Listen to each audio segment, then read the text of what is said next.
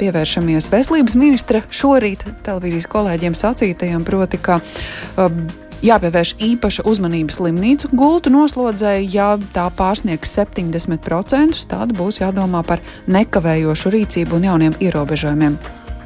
Veselības ministrijas sabiedrības veselības departamenta vīdes veselības nodaļas vadītāju Jānu Feldmanu. Tādēļ esam sazvanījuši. Labdien! Labdien! Lai precizētu, kāda tad šobrīd ir tā situācija mūsu slimnīcās un cik tuvu vai tālu no tiem 70 noslodzes procentiem esam? Nu, šobrīd, eh, protams, ka mm, vēl mums nav sasniegts šie 70%, un, eh, ja salīdzina ar mē, gada sākumu, tad um, dotajā brīdī pakāpeniski arī šis pacientu skaits uh, slimnīcās samazinās.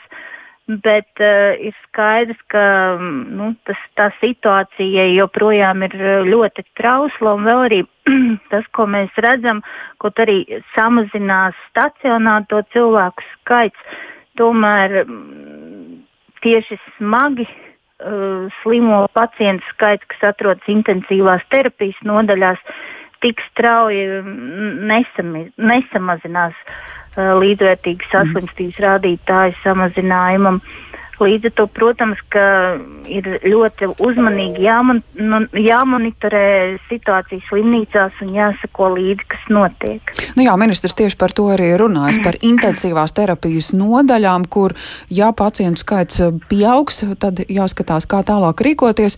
Nu, zināms, ka inficēto skaits pēdējās dienās līdz šim slīdēja uz leju, nu pat atkal mazliet pieaug, un zinām arī par to, ka uh, lipīgākie slimības paveidi nav vairs tā, ka konstatēta tikai galvaspilsētā, arī reģionos, lauku mazpilsētās. Līdz ar to vai tā situācija vienlīdz stabila?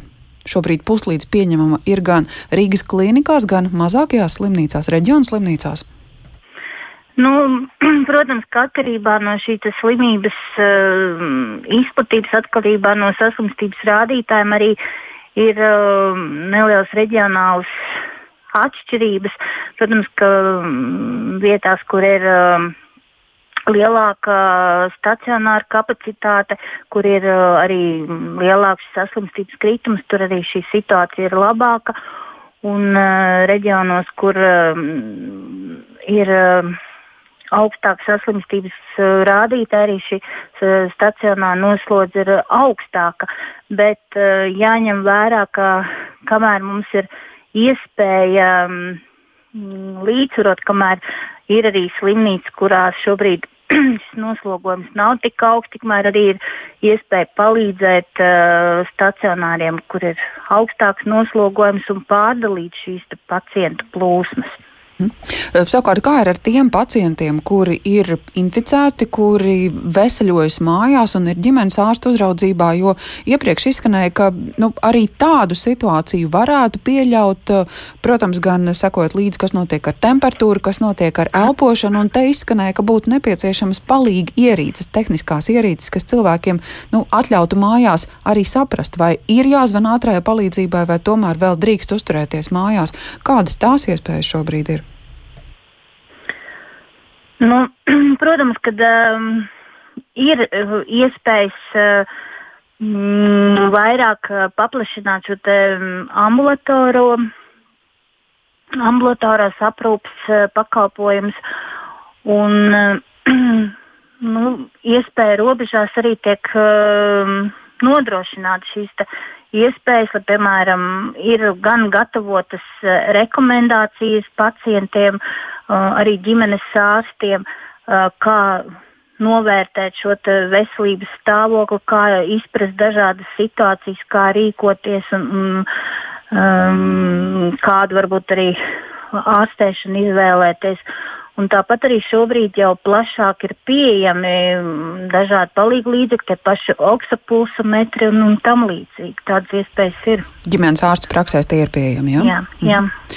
Bet tā kopumā, ko jūs sacītu pacientam, kurš šobrīd mājās uh, ir ar covid diagnozi, nu nav noslēpums, ka nereti cilvēki pat kautrējas uh, saukt ātrā palīdzību, kautrējas zvanīt mediķiem, arī ģimenes ārstu noslodzi viņi izproti, tīpaši ņemot vērā, ka, ka daudzi šobrīd ir iesaistīti vakcinācijā.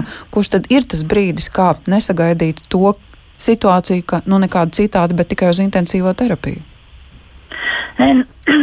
Pirmkārt, jau nu, cilvēkam tomēr ir jāsako savai veselībai un arī novērojot kaut kādus uh, veselības traucējumus, ir aizdomas par inficēšanos. Pirmkārt, jau ir uh, jādodas veikt testu un nevis varonīgi ar temperatūru doties uz darbu vai kaut kur ārpus mājas. Tas jau ir pirmkārt. Otrkārt, uh, sazināties ar ārstu un izrunāt arī visus jautājumus, kas nu, uztrauc. Ir ļoti svarīgi precīzi sekot uh, ārsta norādījumiem, darīt precīzi tā, kā ārsts ir uh, teicis.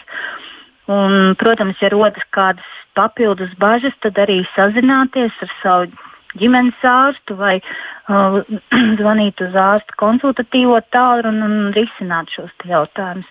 Bet pirmkārt, svarīgi tiešām uzticēties savam ārstam un pildīt ārsta norādījumus. Nu, un tajā brīdī, kad uh, Latvijā būs atkal klāta lielāka vakcīnu deva un sāksies nākamā mēneša uh, plašāka vakcinācija, vai tajā tiks uh, iesaistīts arī slimnīcu personāls? Nu, arī šobrīd jau slimnīcas uh, iesaistās vakcinācijas Jā. procesā, un, protams, ka tas arī turpinās. Mēs arī paredzam aizvien paplašināt iespējas, ka, piemēram, ja cilvēks ir nonācis uh, slimnīcā ar kādu chronisku slimību, uh, līdz ko tiks uh, uzsākt cilvēka chroniskām slimībām vakcinēts, arī tāda iespēja cilvēkam izrakstoties no slimnīcas, eh, nu, saņemt vakcīnas, piemēram, pirmo devu, un tad to turpināt eh, jau ambulatori.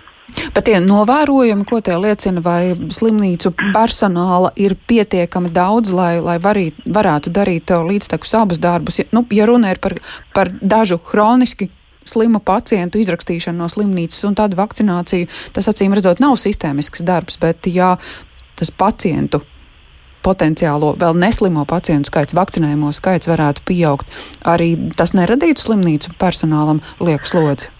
Protams, ka šis vakcinācijas process tiek plānots tādējādi, lai nu, neradītu papildus slogu personālam.